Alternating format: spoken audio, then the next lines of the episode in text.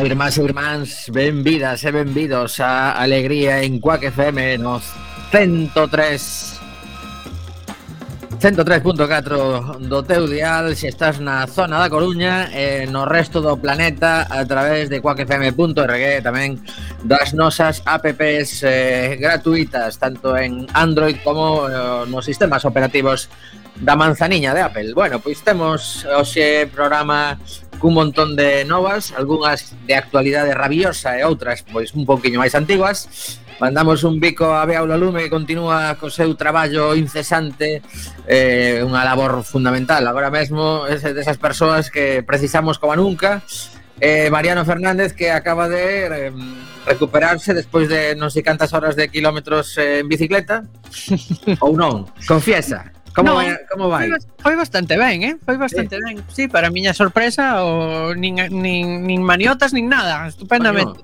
Bueno, pues eso, a ver, que foron 70 km, non? Foron 74. 74, non se pode quitar esos últimos 4 que son os que xa perde batalla. Son os que se fan máis longos, os últimos os últimos 4. Claro, claro, porque teño que chegar a casa porque aquí non vou parar, claro. No, claro, de, creo que hai. Bueno, eh, hai, hai un consello para os ciclistas cando fan os primeiros 100 que din que o 50 te pilla 50 km da casa. Porque senón vale. Mm, atallas. Ok, pois unha pregunta técnica. Eh, pasábate moita xente, andaba moita xente en bici por aí ou como estaba a cousa? Pasábame como avións, quero decir, cando, cando xa chegas á zona de Miño, a, a, a xente que vai no teu sentido, que venda Coruña, son auténticos pros. Entón iban, pero era como, "Hala, chao, chao." Vale, vale. Pero pero no, notabas que había máis xente que outras veces ou Eh, non, non, a, a habitual. Ajá, vale. decir, cambia moito o, cando andas en bici cambia moito inverno outono a primavera verán primavera Ajá. verán dentro de dentro dun mes vai haber moitísima máis xente. Pero bueno, pois... Outono e inverno somos somos sete.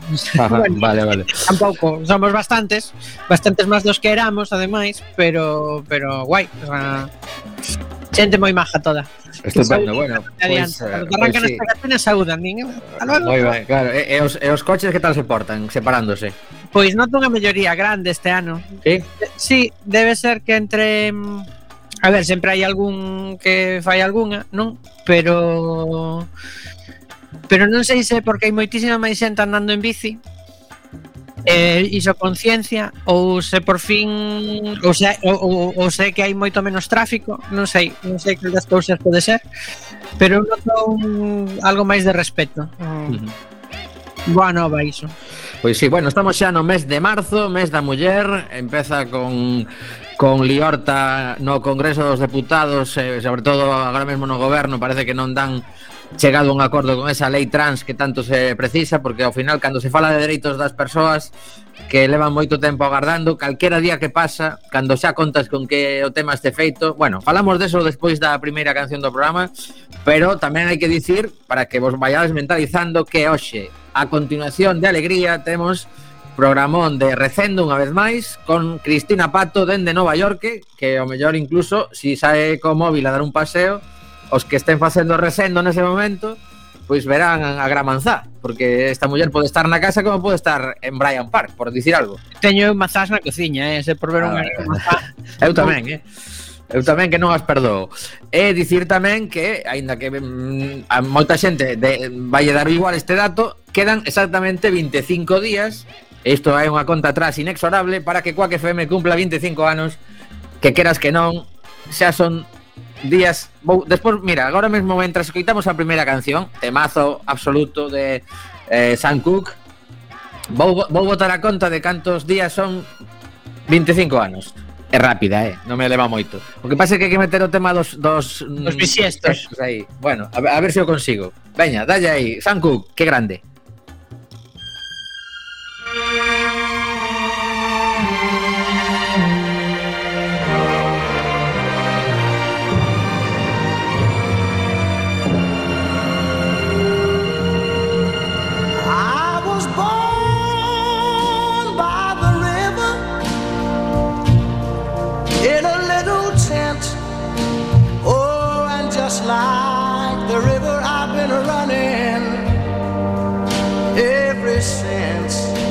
Been a long, a long time coming, but I know a change gonna come. Oh, yes, it will. It's been too hard living, but I'm afraid to die.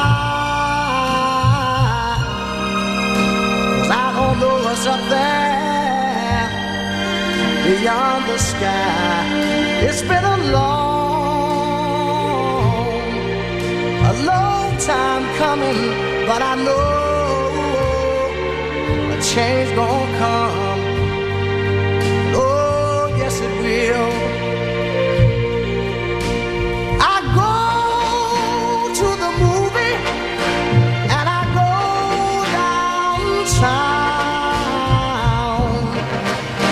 Somebody keep telling me don't hang around. It's been a long, a long time coming, but I know a change gonna come. Oh, yes, it will. Then I go to my brother. Say, brother, help me please.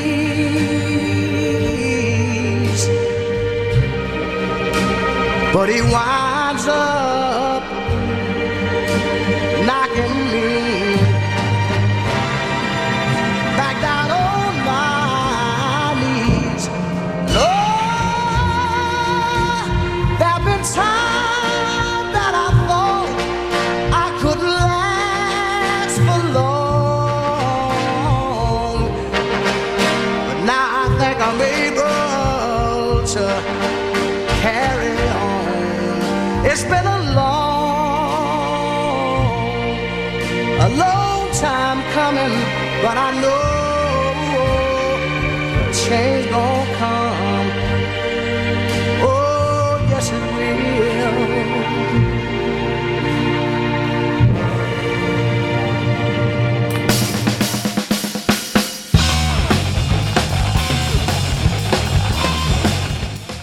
Ben, pois fixen a conta e día arriba, día abaixo, día arriba, día abaixo, 1131 días de emisión de Quack FM.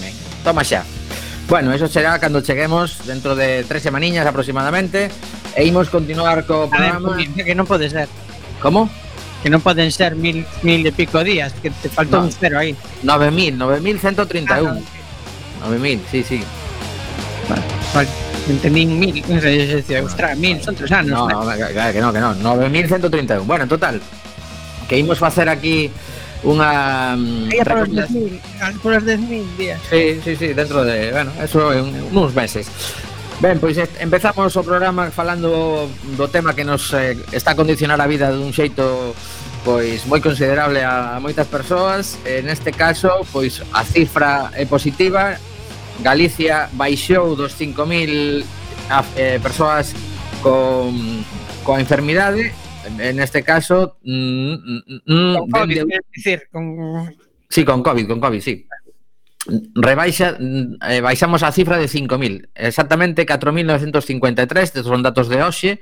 Lembremos que agora mesmo está reunido o comité de expertos da Xunta para decidir se cambia algunha restricción nas diversas áreas. Eh, en Coruña, pois, semella que a cousa non está para facer moitos experimentos, porque precisamente temos 1.612 casos, eh, para facer unha comparación, case o doble dos que teñen en Vigo. E se non escoitei mal, hoxe mesmo dicían que no hospital de CE, que xa sabedes que a nosa área eh, sanitaria é a Coruña de CE, que no hospital de CE quedaran libres, de, que me pareceu un, un dato bastante espectacular, e incluso Corcubión, que era o concello que a pasada semana quedou allí aillado, pois agora mesmo quedaron a cero casos. O sea, foi como unha ah, semana... Bueno, hai, que, hai que, hai que ter en conta que como se miden estas cousas, que se miden eh, por eh, incidencia entre 250 e 500 persoas cada 250.000 habitantes en concellos pequenos. Xa iso pode ser bastante pouca xente en un, par de, un par de familias destrozan a estadística claro, que, con, que que se enferman 10 persoas eh, Sí, sí, se dispara. se te dispara, claro. claro. Bueno, pois pues, eh, en principio, eh, como vos dicía, hoxe haberá ao mellor algún tipo de comunicado, pero eu creo que en, en Coruña non contemos con variacións, de salvo, salvo hai sorpresa. Que, hai que ter en conta que isto é eh, eso, que quere dicir é que hai dúas semanas estábamolo facendo ben. De feito, unha das cousas que comentaban hoxe tamén no telexornal é que eh, a análise das augas residuais dicía que está aumentando a, a como se, no, non me sai a palabra, a concentración do virus, digamos, e pode ser porque eh, a, a cepa británica, que xa está confirmado que é a máis presente actualmente, pois que teña máis concentración de carga viral. Agora saiume. Non sei, pode ser iso, pode ser que, que como, como a medida das augas residuais va máis ao día, non? Uh -huh. Tamén pode ser que se estea notando a expansión estupenda que tivemos este fin de semana. Pois eh, é outra posibilidade. Imos a agardar. Ya que dixeches que, claro, eh, eu facendo eses días de bici, esa, esa ruta en bici, é sen sair da área metropolitana, bueno, pero perdón, sen sair da área metropolitana, non, sen sair da área sanitaria, sanitaria. non, que era o que se podía facer, Um, vin moitas terrazas ateigadas de xente. O sea, por onde pasaches? Que había terrazas? Pois por Miño, por Sada, por Mera... Uh -huh. O sea, que ainda biches varias poboacións nas que a xente...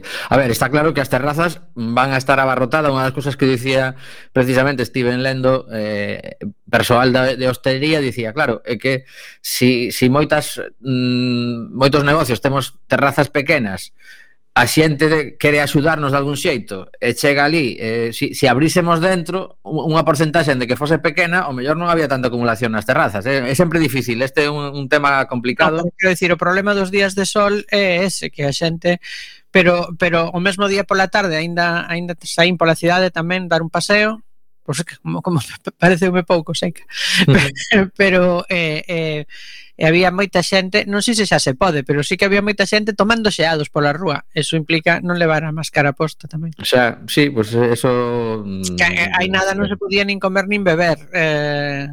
O sea, pola rúa, non sei se agora xa se pode, sinceramente non o, non o mirei, pero sí que me chamou a atención, claro que sí. que había colas kilométricas diante das das xeraderías e, e moita xente tomando un xeado, claro. Uh -huh.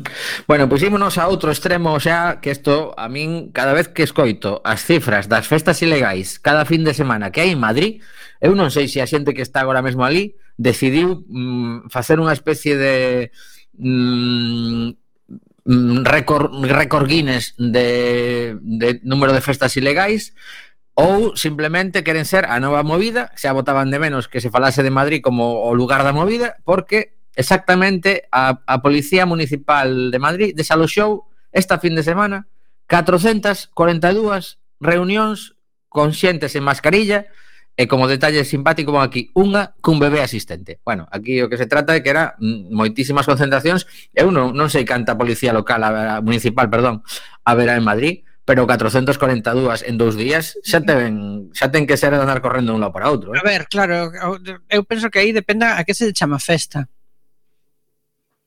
Non? Eh, pode ser, pode ser. Claro, porque porque un termo como como se diría, un termo un termo xurídico indeterminado, festa. Uh -huh. Porque unha festa podes facer entre tres persoas, non pasa nada, eh. Pero Non sei, a min hai cousas que me preocupan bastante de así en xeral de, de toda de toda a movida. Primeiro, o me preocupa un pouco que, que, que cada rebrote ou cada onda de, de COVID teña que ter un culpable.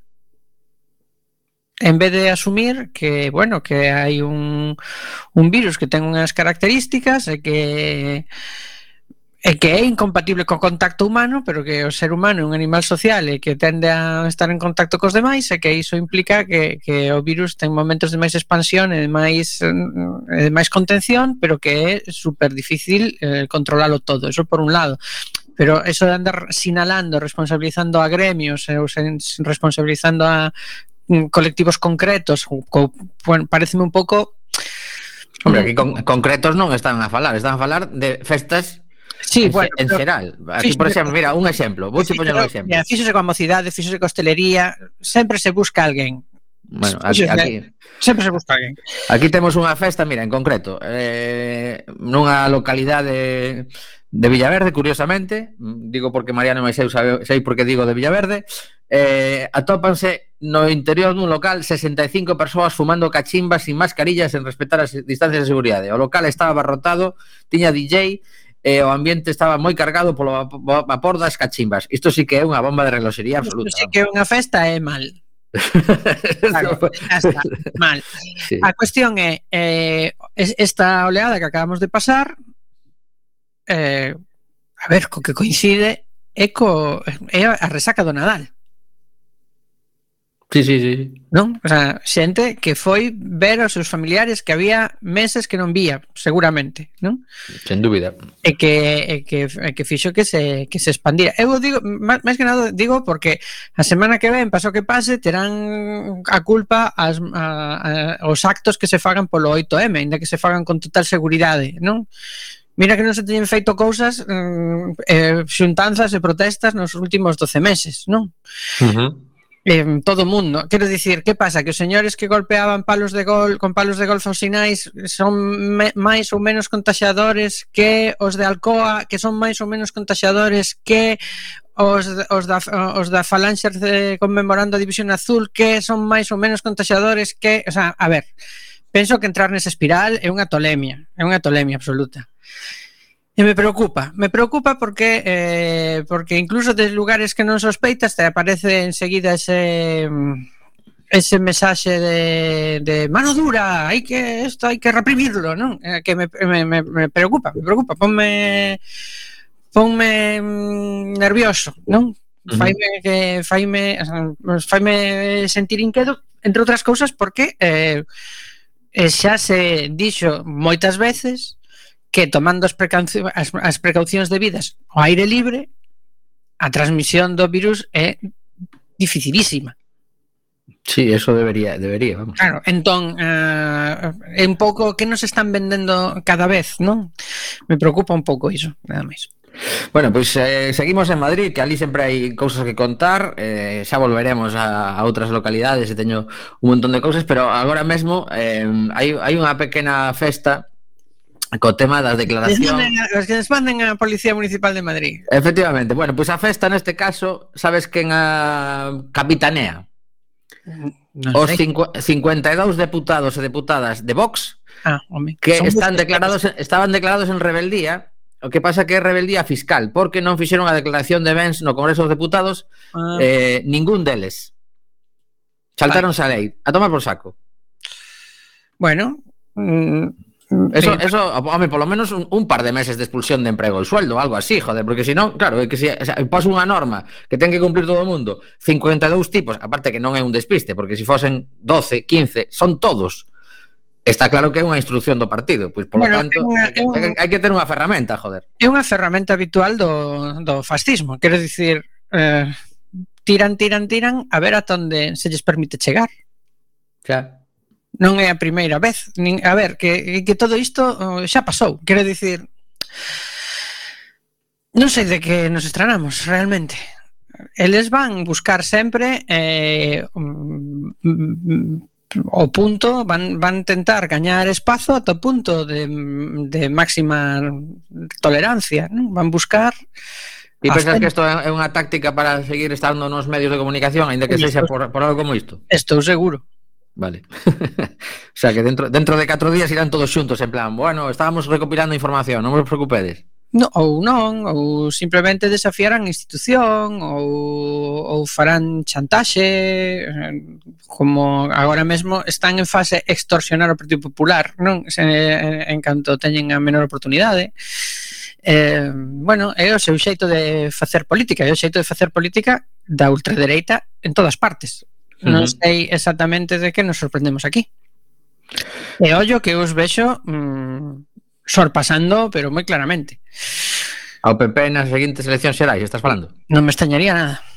Pois mira, ao respecto disto, Aznar Cabrea, isto é unha información de cuartopoder.es, que é un medio de comunicación digital do que falaremos despois tamén por unha, unha nova que publicou esta semana sobre, sobre medios comunitarios, Aznar cabrea ao vello Partido Popular e revoluciona ao PP de Casado. A entrevista concedida polo expresidente do goberno, José María Aznar, a Jordi Évole, caeu como unha bomba no Partido Popular. Aznar amosouse calculadamente distante co PP de Casado, que fora o seu delfín antaño, e os máis próximos ao líder acusan o desaire horas despois. Aqueles que compartiron goberno con Rajoy afeanlle a súa negativa a poñer a man no lume polo galego dunha forma tan pouco elegante. Teño que dicir que como non vin a entrevista de Évole, pois estou un pouco fora de xogo, pero está claro que de Aznar non nos sorprende agardar a elegancia de José María Aznar pareceme dunha dunha inocencia enternecedora, máis ou menos. O sea, a ver, hai xente que é unha maldición incluso para o seu propio partido. Pásalle ao PSOE con Felipe González e con Alfonso Guerra, pásalle ao Partido Popular con Aznar. É unha, unha especie de maldición bíblica. Xente que non eh, asimila que o seu momento xa pasou e que moito ben mm, non se sabe se poderían facer pero que moito mal sí que se sabe porque o están facendo prácticamente todo o tempo. Sí, sí. O, o curioso de todo isto é que, que non hai mm, digamos o, o contrario. Esa, esa persoa, o máis parecido podía ser pois eh, Anguita no seu momento que decía a xente pois respetaba e, e, e tiña declaracións tal pero pero o resto o resto en xeral dá, dá moito noxo eh. Eh, bueno, eu penso que é non asimilar eh, que precisamente eh, non asimilar que o teu momento político xa pasou e que é que mm, o teu papel xa non é dirixir as cousas. A ver, o señor Aznar eu penso que ten motivos suficientes para mm, ser prudente Pois eu mm, non mm, o polo, polo... partido vai vender a súa sede por unhas cantas razóns das que el, mm, bueno, pero el, el exactamente agora mesmo aparte sigue de presidente da FAE, se si non me equivoco. Vou facer un chiste e decir que coñece el máis xente na cadea que Pablo Hassel, pero pero home, non sei, igual eh, igual non é así, pero tamén é certo que, eh, que, que é suficiente como para ser prudente é máis que nada para non danar o seu propio partido, quero dicir... Eh... Ui, pero parece, parece que lle importa o seu propio partido, importa moito menos que, que o seu nariz. Eu penso claro. que lle importa absolutamente todo, exactamente nada.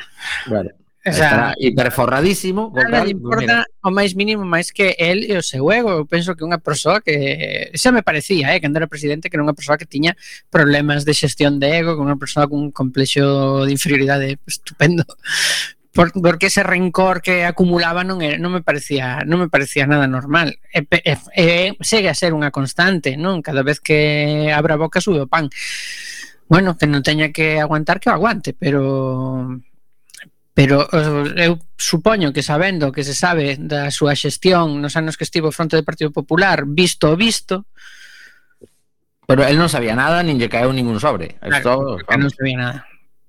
No, Seguro no. que non. No. Bueno, imos continuar, deixamos a, ao señor do Bigote a un lado. O PSOE impide a comparecencia... Ah, unha cousa, ainda que non soubera, ainda que non soubera nada, que non vou dicir, claro, non podo afirmar, non teño probas que el soubera cousas, non deixa de ser responsabilidade súa dende un punto político. Lembramos aquelo, lembramos como chegou José María Aznar ao poder, Bueno, como nos chegou, con iso, entón empezamos un, un programa que... No, pero chegou facendo, chegou facendo unha cousa que a mí me parece loable, que dicía que unha cousa é responsabilidade penal das cousas e outra moi distinta a responsabilidade política das cousas. E que é suficiente a responsabilidade política para abandonar os lugares de privilexio en política. Pois, bueno, pois el, se non sabía nada, igual a súa responsabilidade era saber Posiblemente, posiblemente. Entón, aí se deriva unha responsabilidade política, non? Bueno, pues entonces que se tape un pouco. Mira, eu aquí defendendo a Pablo Casado, nunca na vida pensei que ah, ia suceder tal cousa. A, a Pablo Casado a Aznar. Non, a Pablo Casado e ao, e ao propio Partido Popular, e que eu a deslealdade a levo, me parece mal, así en xeral, eh, non sei, ah, a, non me gusta. Non bueno, pois vamos falar de, a ti que che parece esta seguinte nova en canto a lealdade ou deslealdade. O PSOE impide a comparecencia de Facenda e Anticorrupción para explicar a regularización de cartos de Juan Carlos I. Isto é unha nova del Salto Diario. A Axencia Tributaria non terá que dar explicacións no Congreso acerca da decisión de non investigar ao rei Juan Carlos I pese ás múltiples informacións sobre presuntos delitos de evasión fiscal. Pues a min eh, mesmo, xa collo a pregunta, según a má fixeches, me parece lealdade malentendida, iso. Correcto. Que guardar lealdade ás institucións esquecendo, o sea, sendo desleal a orixe de todas as institucións, que é a soberanía nacional. Se alguén comete un delito, ou é sospeitoso de ter cometido un delito, ou hai irregularidades eh, nunha institución, eu penso que o povo, que é soberano, non? É quen pon aos políticos no onde están, merece que lle expliquen o que pasou. Uh -huh. Bueno, hai que dicir que a soberanía nacional é o parlamento. A min eu alucino con que ante unha crise tan grave nunha institución a reacción non sexa luce taquígrafos. Bueno, porque aquí hai que dicir que o titular é un pouco sesgado porque realmente o voto decisivo na mesa do Congreso para que isto non, non chegase a unha comisión foi de Partido Popular, Vox e PSOE. Foron os tres. A iniciativa posta en marcha por RC, Junts por Cataluña, eh, o PDCAT, a CUP, EH Bildu e BNG pretendía que comparecera a ministra de Facenda, o fiscal anticorrupción Alejandro Luzón e o director da Xencia Tributaria Jesús Gascón para explicar como se levou eh, a cabo a revalorización de 8 millóns de euros que Juan Carlos recibiu da Fundación Zagatka e a mesa denegou eh, do mesmo modo a pertinencia dunha pregunta da deputada Miriam Nogueras de Junts per Cataluña sobre a non apertura de expediente por parte da Axencia Tributaria. A ver, eu o que o que o que penso é, se non se non perxudica a a única explicación que eu lle podo é que se está investigando, se están investigando máis cousas e que facer unha comparecencia poda uh, perxudicar a investigación. Pero se non perxudica a investigación, insisto, que dano lle pode facer a democracia a transparencia? E que dano lle pode facer a democracia a falta de transparencia? Porque realmente eh, eh, o descrédito institucional que poda recaer por un, un mal comportamento do anterior xefe do Estado é unha cousa uh, menor en comparación co descrédito que poden subir que poden sufrir todas as institucións se non se explica con claridade e con transparencia o que aconteceu co anterior xefe do Estado e as súas contas e os, as súas viaxes e os seus as súas cousas. Claro, que ao mellor empezamos con, con esa homenaxe, mmm, vamos a chamarle homenaxe, porque foi unha cousa un pouco extraña, a, ao 40 aniversario do golpe de Estado, que era como unha, era como unha celebración aí. Temos o único país do mundo que conmemora os seus golpes de Estado digo eu.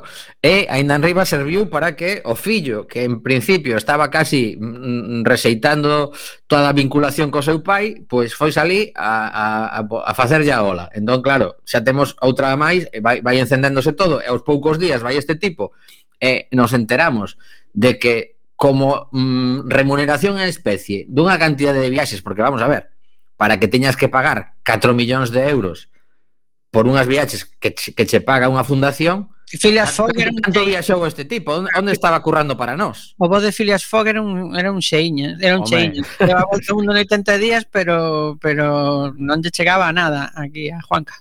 Home, sería, sería bonito agora que alguén collera un, un estraba desos que fastico ti coa bici, supoño, mm. e, que, e que nos fixera un gráfico por todo o mundo dos viaxes que, que, que, non, que non declarara ata agora.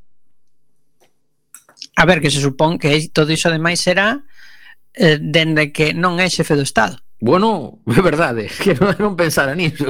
Bueno, dende, dende que exacto, perdeu a inviabilidade. Pois entón sí que tivo que ser voltas ao mundo sin parar. Vamos, o sea, pa, pa, baixaba un momento a repostar e tiraba millas, joder. Eu lembro moito o que dixo no seu día a Felipe VI de a exemplaridade, non? De institución, sí. ostras, Ostras. sí, sí, sí. A claridade está tocadita, eh? Bueno, pois sí. Pero bueno, como son as 6.31, o programa vai voando, aínda temos unhas cantas novas.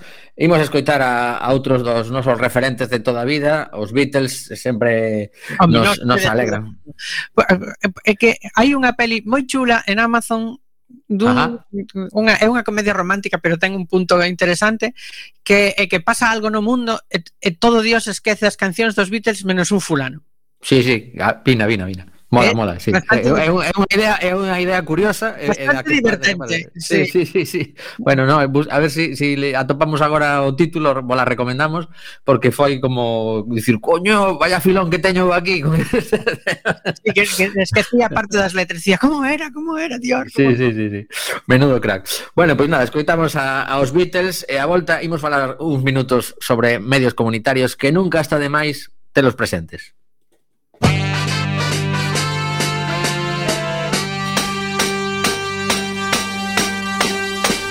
I was alone, I took a ride, I didn't know what I would find there. Another road where maybe I could see another kind of mind there. Ooh, then I suddenly see you. Ooh, did I tell you I need you every single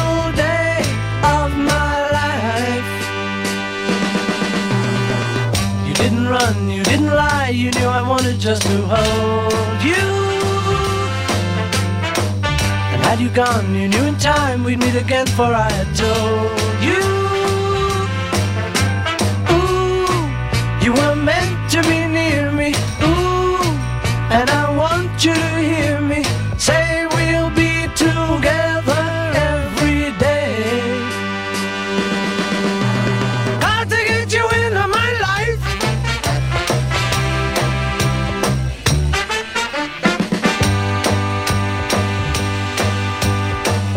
can I do? What can I be? When I'm with you, I wanna stay there. If I'm true, I'll never leave, and if I do, I know the way there.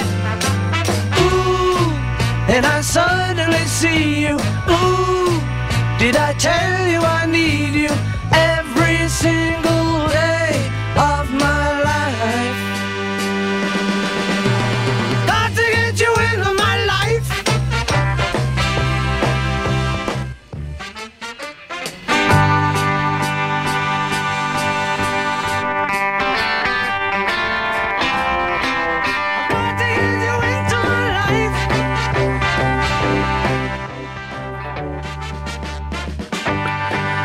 Pois continuamos, continuamos en alegría.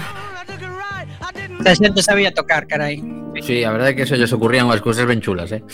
Mm. Pois nada, traemos a, a o noso programa de hoxe un artigo que eh, publicou pois onte mesmo eh, Cuarto Poder, eh, eh, o digital que citábamos antes, no que eh, falan con José Emilio Pérez, un historiador, e con Mariano Fernández, este que está escoitando, como eh, coordinador xeral da Rede de Medios Comunitarios Juan para que ah, tamén Tamén, tamén, efectivamente. Eh, el, el está en activo, non está en activo agora mesmo, non? En Radio sí, Vallecas. É, eh, eh, o, está coordinando a URCM, a Unión de Radios da Comunidade de Madrid. Vale, vale, vale. Pois pues, é, eh, claro, eu, eu perderei un pouquiño a pista últimamente. Bueno, pois pues, eh, 45 anos dende que en 1976 chega unha primeira emisora que se montan evidentemente durante a dictadura a calquera que se lle ocurrise esta esta tolemia pois eh, duraría o que dura eh, pois non sei un, un chupete nunha gardería e eh, dende aquel momento pois eh, seguimos curiosamente tendo que explicar que somos, que facemos, como se consigue unha, unha licenza, Non sei se Mariano, que, que é parte da nova, e a verdade é que bastante extensa, e dá para, para ler un, uns cantos minutos, pois quedou satisfeito ou algunha das cousas que, que dixeches non queda demasiado clara ou gustaríache puntualizar algo? Digo, para a xente que, que, que se anime a ler, Puf, así, que... de, así de así de memoria, porque como ti dices, bastante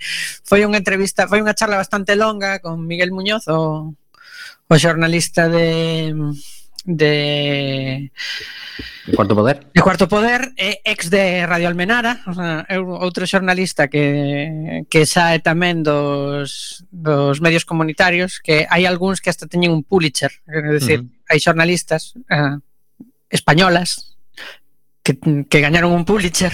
Quen, quen, quen? Di o nome. Eh, Verónica Ramírez, por exemplo, Ajá. que gañou un, pul un Pulitzer compartido ah, sí, con as eh, compañeras de eh, compañeras sí, sí, sí, por los papeles de Panamá que saíron de medios comunitarios. Eh, eu penso que tamén son cousas que hai que uh -huh. poñer en valor, claro. Logo, bueno, está Josemi que que é un eh, que é profesor na Sorbona, é un historiador que é profesor na Sorbona, que tamén, o sea, quero dicir que pasa xente interesante polos medios comunitarios, e que os medios comunitarios además de ser un obxecto de estudio interesante, pois fan unha labor que recoñece que que, que suscita o recoñecemento e atención de case todo o mundo. Uh -huh eh, eh, agas de que en primeiro debería recoñecelos sí. de agora.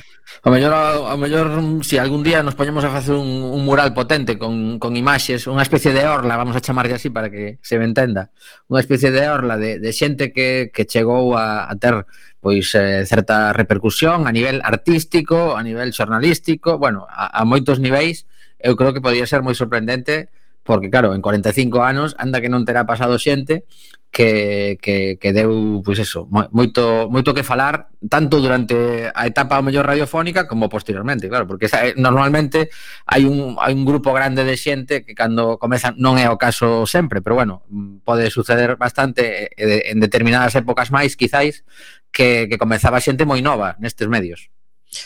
Sí, eh, a ver, eu, que, había unha cousa que lle dicía a ah, Miguel que era mm, canto se tería que gastar o Estado para facer o que os medios comunitarios fan se non existisen. Uh -huh. Eu penso que sería difícil de calcular, eh? Sí. E tamén... Tenía, a ver, sería difícil de calcular ainda que a, a Generalitat de Cataluña conseguiu os seus funcionarios fixeron un cálculo que está bastante ben. Quero dicir eh, que son moitísimos cartos. Uh -huh. Eh, porque porque claro, nós traballamos eh, cousas que realmente son para para para os outros medios son puntos cegos. Porque, mm. eh, eh, a ver, o, a lógica de mercado o que implica é que eh, só se fala de aquelo que é rendible en termos de audiencia. E iso o que deixa fora é eh, todo, o, toda a comunicación que se considera minoritaria. Ben por contidos, ben por suxeitos. Non? Entón, um, é a meirande parte da realidade o que se queda fora. Pois sí. A verdade é que si, sí. de feito no programa de hoxe mm, eh, tentei un par de un par de entrevistas con con asociacións que traballan por por mm, persoas que están en en diversos colectivos que teñen pois a, a vida moito máis complicada que a maioría de nós eh, non foi posible, pero quedará para vindeiras semanas eh, e realmente esa, esa xente que fai unha labor silenciosa no día a día de axudar a moitísimas persoas que o precisan infinitamente pois queda totalmente agochada nos medios porque realmente o que vende son persoas que coñecemos, basicamente, pois eso, estábamos a facer referencia pois a, ao que decidiu Vox, ao que fai, bueno, evidentemente a política ten moita presenza nos medios, pero hai tantísimas cousas que non teñen ningún tipo de presencia nos medios e que aí estamos de algún xeito nós para, para cubrir ese, ese oco. E claro, o, o problema é que realmente a proporción de, de medios comunitarios existentes en, en España para cubrir todo o que habería que contar é moi pequena. Non, bueno, agora a, a, a, a resposta que se adoita a dar a todo isto é, bueno, está internet, non? Xa. E, e eh, bueno, en certa medida em, pois, pois, pois non falta razón quero dicir, se ti buscas contidos especializados eh, os podes atopar en internet que pasa? que sí que é certo, sendo certo iso, eh, o que o que non consigue internet é crear eh, comunidades eh, locais, por exemplo, comunidades de, de proximidade, de cercanía, eh, comunidades con eh, cara eh, e con ollos e que ademais os podas tocar ao mesmo tempo, non? Sí, de feito, nós mesmos estamos a comprobar como mm, persoas que que noutro momento case ao 100% estarían emitindo en Coaque FM, agora mesmo están a facer os seus propios podcasts con unha duración moito máis flexible, con seguramente unha regularidade tamén pois que, que non exixe o mesmo de, de ter cada, cada 15 días ou cada semana un programa. Mm. Eh, é, un, é unha solución que, que, que realmente eh, pois é eh, evidente que, que é válida, pero perdese esa, esa, esa comunidade que estabas a comentar, non? Bueno, perdese esa comunidade e perdese, e perdes toda, todas as persoas que quedan do outro lado da fenda digital. Uh -huh. E perdes a, a, a audiencia a audiencia occidental, e perdes un montón de cousas. Aínda hai uns días saía un estudio que dicía que eh, a radio repunta. A compartía Fidel Fernán, precisamente. Eh, Ajá que, que pois, no segundo estudio xeral de medios, a radio o, neste ano de pandemia crecera unha barbaridade no intes. Uh -huh. Sí, tamén dicían que, que subiu bastante o nivel de lectura. Ten, ten lógica tamén, claro. O estar sí, máis tempo, pero... máis tempo nas casa, pois... Pues... Pero uh, eu digo porque eh, sendo eu penso que o podcasting eh, e a radio en por ondas eh, son complementarias, non son non ocupan o mesmo o, o mesmo o mesmo lugar, nin o mesmo espazo, nin o, nin o mesmo nicho, non? Uh eh, -huh. eh, quero dicir que fan labores eh, distintas. Si, sí, eu gustaríame saber, é unha dúbida que teño sempre, eh, no coche, que tipo de, de consumo, digamos, de audio fai a xente? Porque realmente os, os vehículos agora evolucionaron, supoño que moitos teñen eh, pois conexión entre o móvil e podes poñer o, o que queiras e pois se tes Spotify, pois o lanzas ao teu coche, cosa que no meu caso non, non sucede, non teño non teño forma de conectar o móvil co, co, meu, co meu aparato do, do, do coche eh, eu sigo... Xa os hai que traen Spotify de serie eh?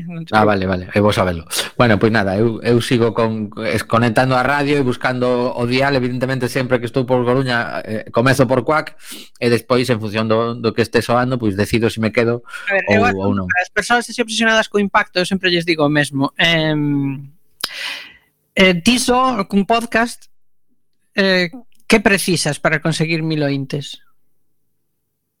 Claro, precisas un pois, pois moitas cousas. O sea, non é nada doado cons conseguir mil ointes cun podcast, entre outras cousas, porque eh, tes unha competencia bárbara. Uh -huh. eh, eh, competir mil ointes nunha radio. A radio ten un efecto arrastre. Eh, se tes mil ointes por ondas, pois tamén o vas ter. Eso xa a nivel de, de pura incidencia, non? O sea, é así. Logo, está a, a experiencia comunitaria tamén, a experiencia colectiva. Sen dúbida, claro. E a Josemi que eh, as radios comunitarias son unha das poucas eh, ferramentas de comunicación colectiva que quedan. Uh -huh. É moi eu, se, sempre insistimos nun detalle, eu o digo, eh, a xente a veces bota un pequeno sorriso, pero se hai algo, eu teño clarísimo que o que aforramos as persoas que facemos radio comunitaria, ou mellor outra xente fai outras cousas, non? Pero os que facemos radio comunitaria en psicólogos e psicólogas é unha pasta, eh? Estou convencidísimo porque aquí vimos a, a contar o que nos o que nos motiva, o que nos dá gana, o que queremos compartir, e iso para a mente é importante tamén. Bueno, o, pero iso eu penso que todo tipo de asociación, todo tipo de asociacionismo, o asociacionismo é un medio de vida e non é un mal medio de, bueno, un xeito de vida e non é un mal xeito de vida, quero dicir, eh, implica interrelacionarse con outras persoas. Despois dun ano confinados, pois sabemos, penso que deberíamos xa eh, eh valorar, saber valorar na súa medida o importante que interrelacionarse con outras persoas, non? Pero bueno, oh, sí que é certo que, que, que, que o que se nos pretende colocar non vai por aí, non? Que se nos presente pretende, se no, o que se nos pretende colocar como prioritario eh, son formatos autosuficientes, non? Eh, e individualizados. Eh, mm, bueno, está moi ben, a min pareceme genial, pero tamén me parece un arma de dobre filo, non? Pode resultar frustrante, Quero dicir, se, se ti tes un canle de YouTube que vai moi ben e tes eh, mil, dos mil, dez mil, quince mil seguidores ou moitísimos máis, pois estarás encantado. Pero se non pasas de 100 estarás amolado e pode resultar moi frustrante, non? Sí. Entón, bueno, mm, e ademais que, que os algoritmos son misteriosos, eh? Quero dicir mm, que non eh, tam, non todo o mundo parte eh, eh en, en pé de igualdade, nin, tonto, nin, nin to, non todo se valora de igual xeito, nin é moi transparente. E logo unha cousa que está pasando últimamente e que ten que ver coa liberdade de expresión, que a mí me parece preocupante, está o tema de que vexo aos estados delegando a xestión da liberdade de expresión en compañías privadas. Uh -huh. Por exemplo, Eh, Twitter decide banear a Vox por linguaxe por, por, por linguaxe de odio. Perdón? claro, é como eh, pero se tes alguén que está empregando a linguaxe de, o sea, está está emitindo contidos de odio eh, que iso está penado no noso código penal. Eh, como pode ser que se delegue en Twitter eh, a salvaguarda de, dese de dereito, non? O sea, quen é Twitter? Sí, sí, no, eh, eu de cando en vez atopo a xente que por, por algún comentario de Facebook, incomprensiblemente, eh, quedan castigados varios días. El, bueno, cando, cando les o que explican que dixeron, pois pues a verdade é que flipas. Pero bueno, nos quedan nos quedan poucos minutos de programa, e quería compartir coa audiencia e con Mariano tamén, que o mellor nos enterou dun tema que me, me, me gustou especialmente, o de ese mesmo, en elpaís.com. El gobierno de Baleares expropia 56 vivendas de grandes tenedores para destinarlas a alquiler social. La cesión obligatoria de uso, contemplada en la Ley de Vivienda de Baleares, permitirá incorporar estos inmuebles al parque social durante siete años. Es una expropiación temporal. Una cosa curiosa. Pero me, me llama a atención. Que por certo, parabéns a, a xente de Baleares que onte foi o seu día. Ajá. Antón bueno, pois... de Andalucía e onte foi o de Baleares. Mira ti. Pois imos comentar así un poquinho esta, esta nova para, para que mm, de algún xeito saibamos que hai, hai determinadas medidas que se poden adoptar por parte lo, dos gobernos que cando se sabe que hai un problema evidente de vivenda eh, hai pouco precisamente unha, unha compañera de CUAC compartía o, o pis, o, bueno, unha especie de cuartucho inmundo que se logrou para unha persoa migrante na cidade da Coruña pagando, non sei se eran 260 euros, unha cousa así, pero que, que non tiña nin, nin, nin fiestras, nin luz, nin nada, bueno, era unha cousa así, e, e, e era o único sitio que atoparon para, para que vivise esa persona. ¿no? Pois aquí nos contan que la Consejería de Movilidad y Territorio del Gobierno de Baleares ha dictado la primera resolución, atención que está la primera, pero puede haber más, para expropiar de forma temporal 56 viviendas vacías que pertenecen a grandes corporaciones para destinarlas a alquiler social durante siete años. La cesión de uso temporal está recogida en la Ley de Vivienda de Baleares que se aprobó en 2018 y permite rescatar pisos del mercado especulativo para ponerlos en manos de los residentes del archipiélago que pagarán un alquiler adaptado a su capacidad económica que nunca superará el 30% de sus ingresos.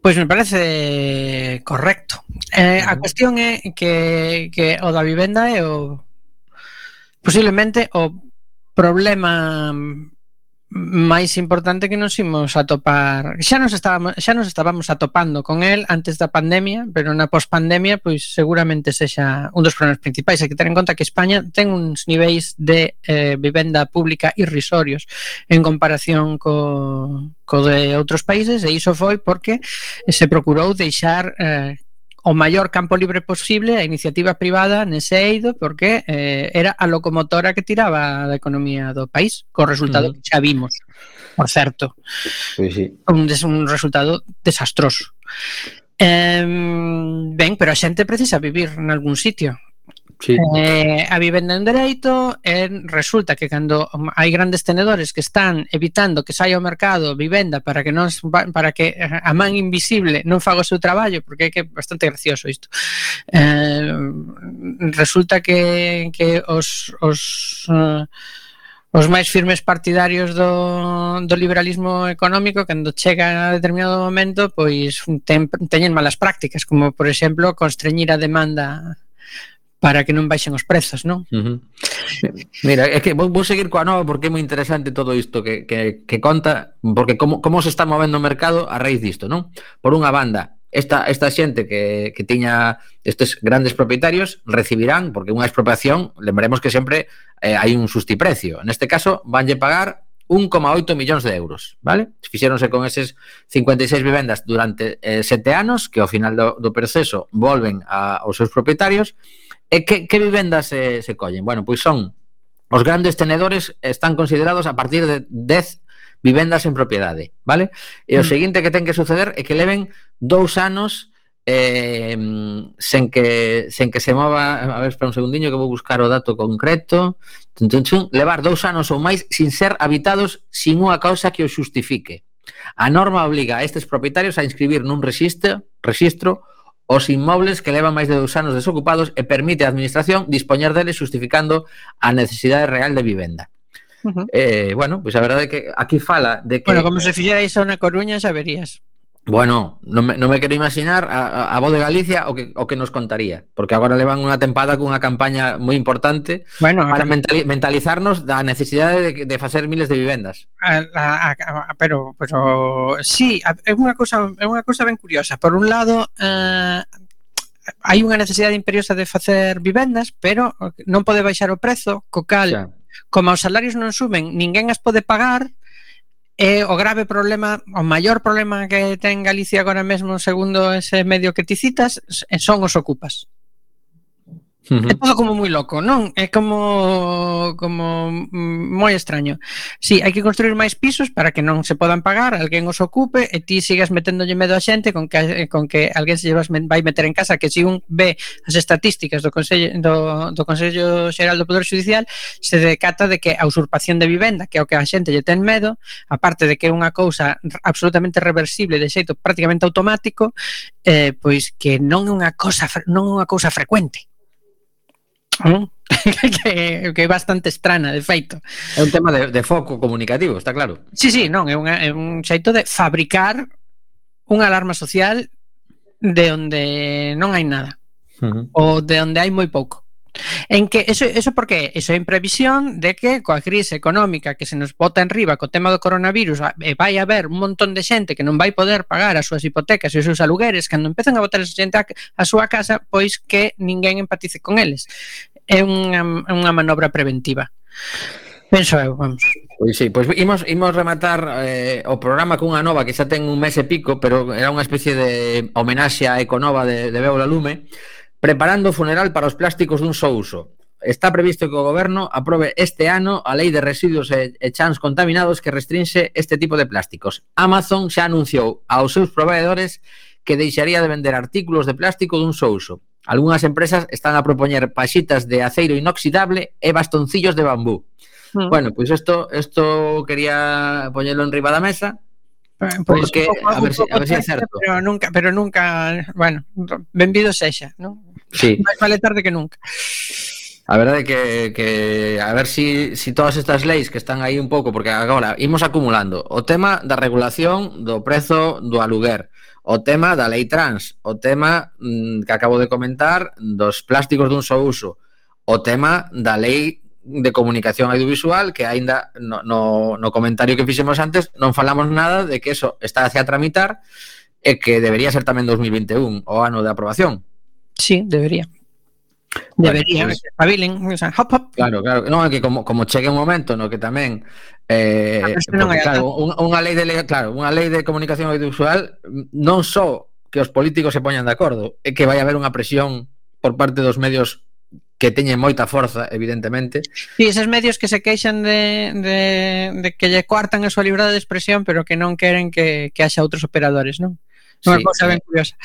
Unha das cousas máis rápidas en, en a me gustaríame saber cal foi o sistema administrativo polo que se lle concederon millóns de euros ao principio da pandemia aos medios de comunicación que recibiron eses cartos. As teles, sí, bueno, pois foi unha axuda extraordinaria para que para claro. que tiveran que pechar basicamente. Claro, claro, pero que que lle pediron a cambio? Porque porque a, a moitísima xente está a pedir unha cantidad de documentación que que é absolutamente desproporcionada desde o meu punto de vista e que complica moitísimo que, que esas axudas que se anuncian e que ao final, pois ao mellor incluso tes un anticipo e tal, eh, por, por un papel que che poda faltar, despois quedas sin, sin o resto. Eh, están, estánse poñendo unhas trabas administrativas moi potentes eh, e, eh, eh, bueno, a ver, a ver como acaba isto, porque a verdade é que, que penso que vai a haber eh, moitísimos problemas para pagar os préstamos ICO, etcétera, se, salvo que de repente empecemos a, a, a vivir eh, un, un boom económico de novo,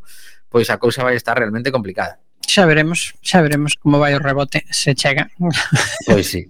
bueno, nos queda un minutiño de programa, temos que lembrar de novo que a partir de as das 7 da tarde, en 3 minutos e pico, tedes a os compañeiros e compañeras de Recendo con esa fantástica entrevista coa eh, música Cristina Pato, que aparte de ser artista é, é unha mente inquieta, e que está en Nova York, que agora mesmo leva bastantes anos ali vivindo, creo que se si non me si non lembro mal, pois está dá algún tipo de, de clases na nunha das universidades dali. E eh, seguro que vai ser unha desas entrevistas que pagan a pena que compartiremos nas redes sociais de Quack FM. Voltamos o vindeiro martes, que xa será 9 de marzo. Eh, e nada, hai quedades con Power to the People que fai moita falta. Está dependentes, por certo, 26 e 27 de marzo, dous concertos gratuitos que organiza Quack FM no Ágora, a 20 a 26 segunda, perdón. Eh, batalla de bandas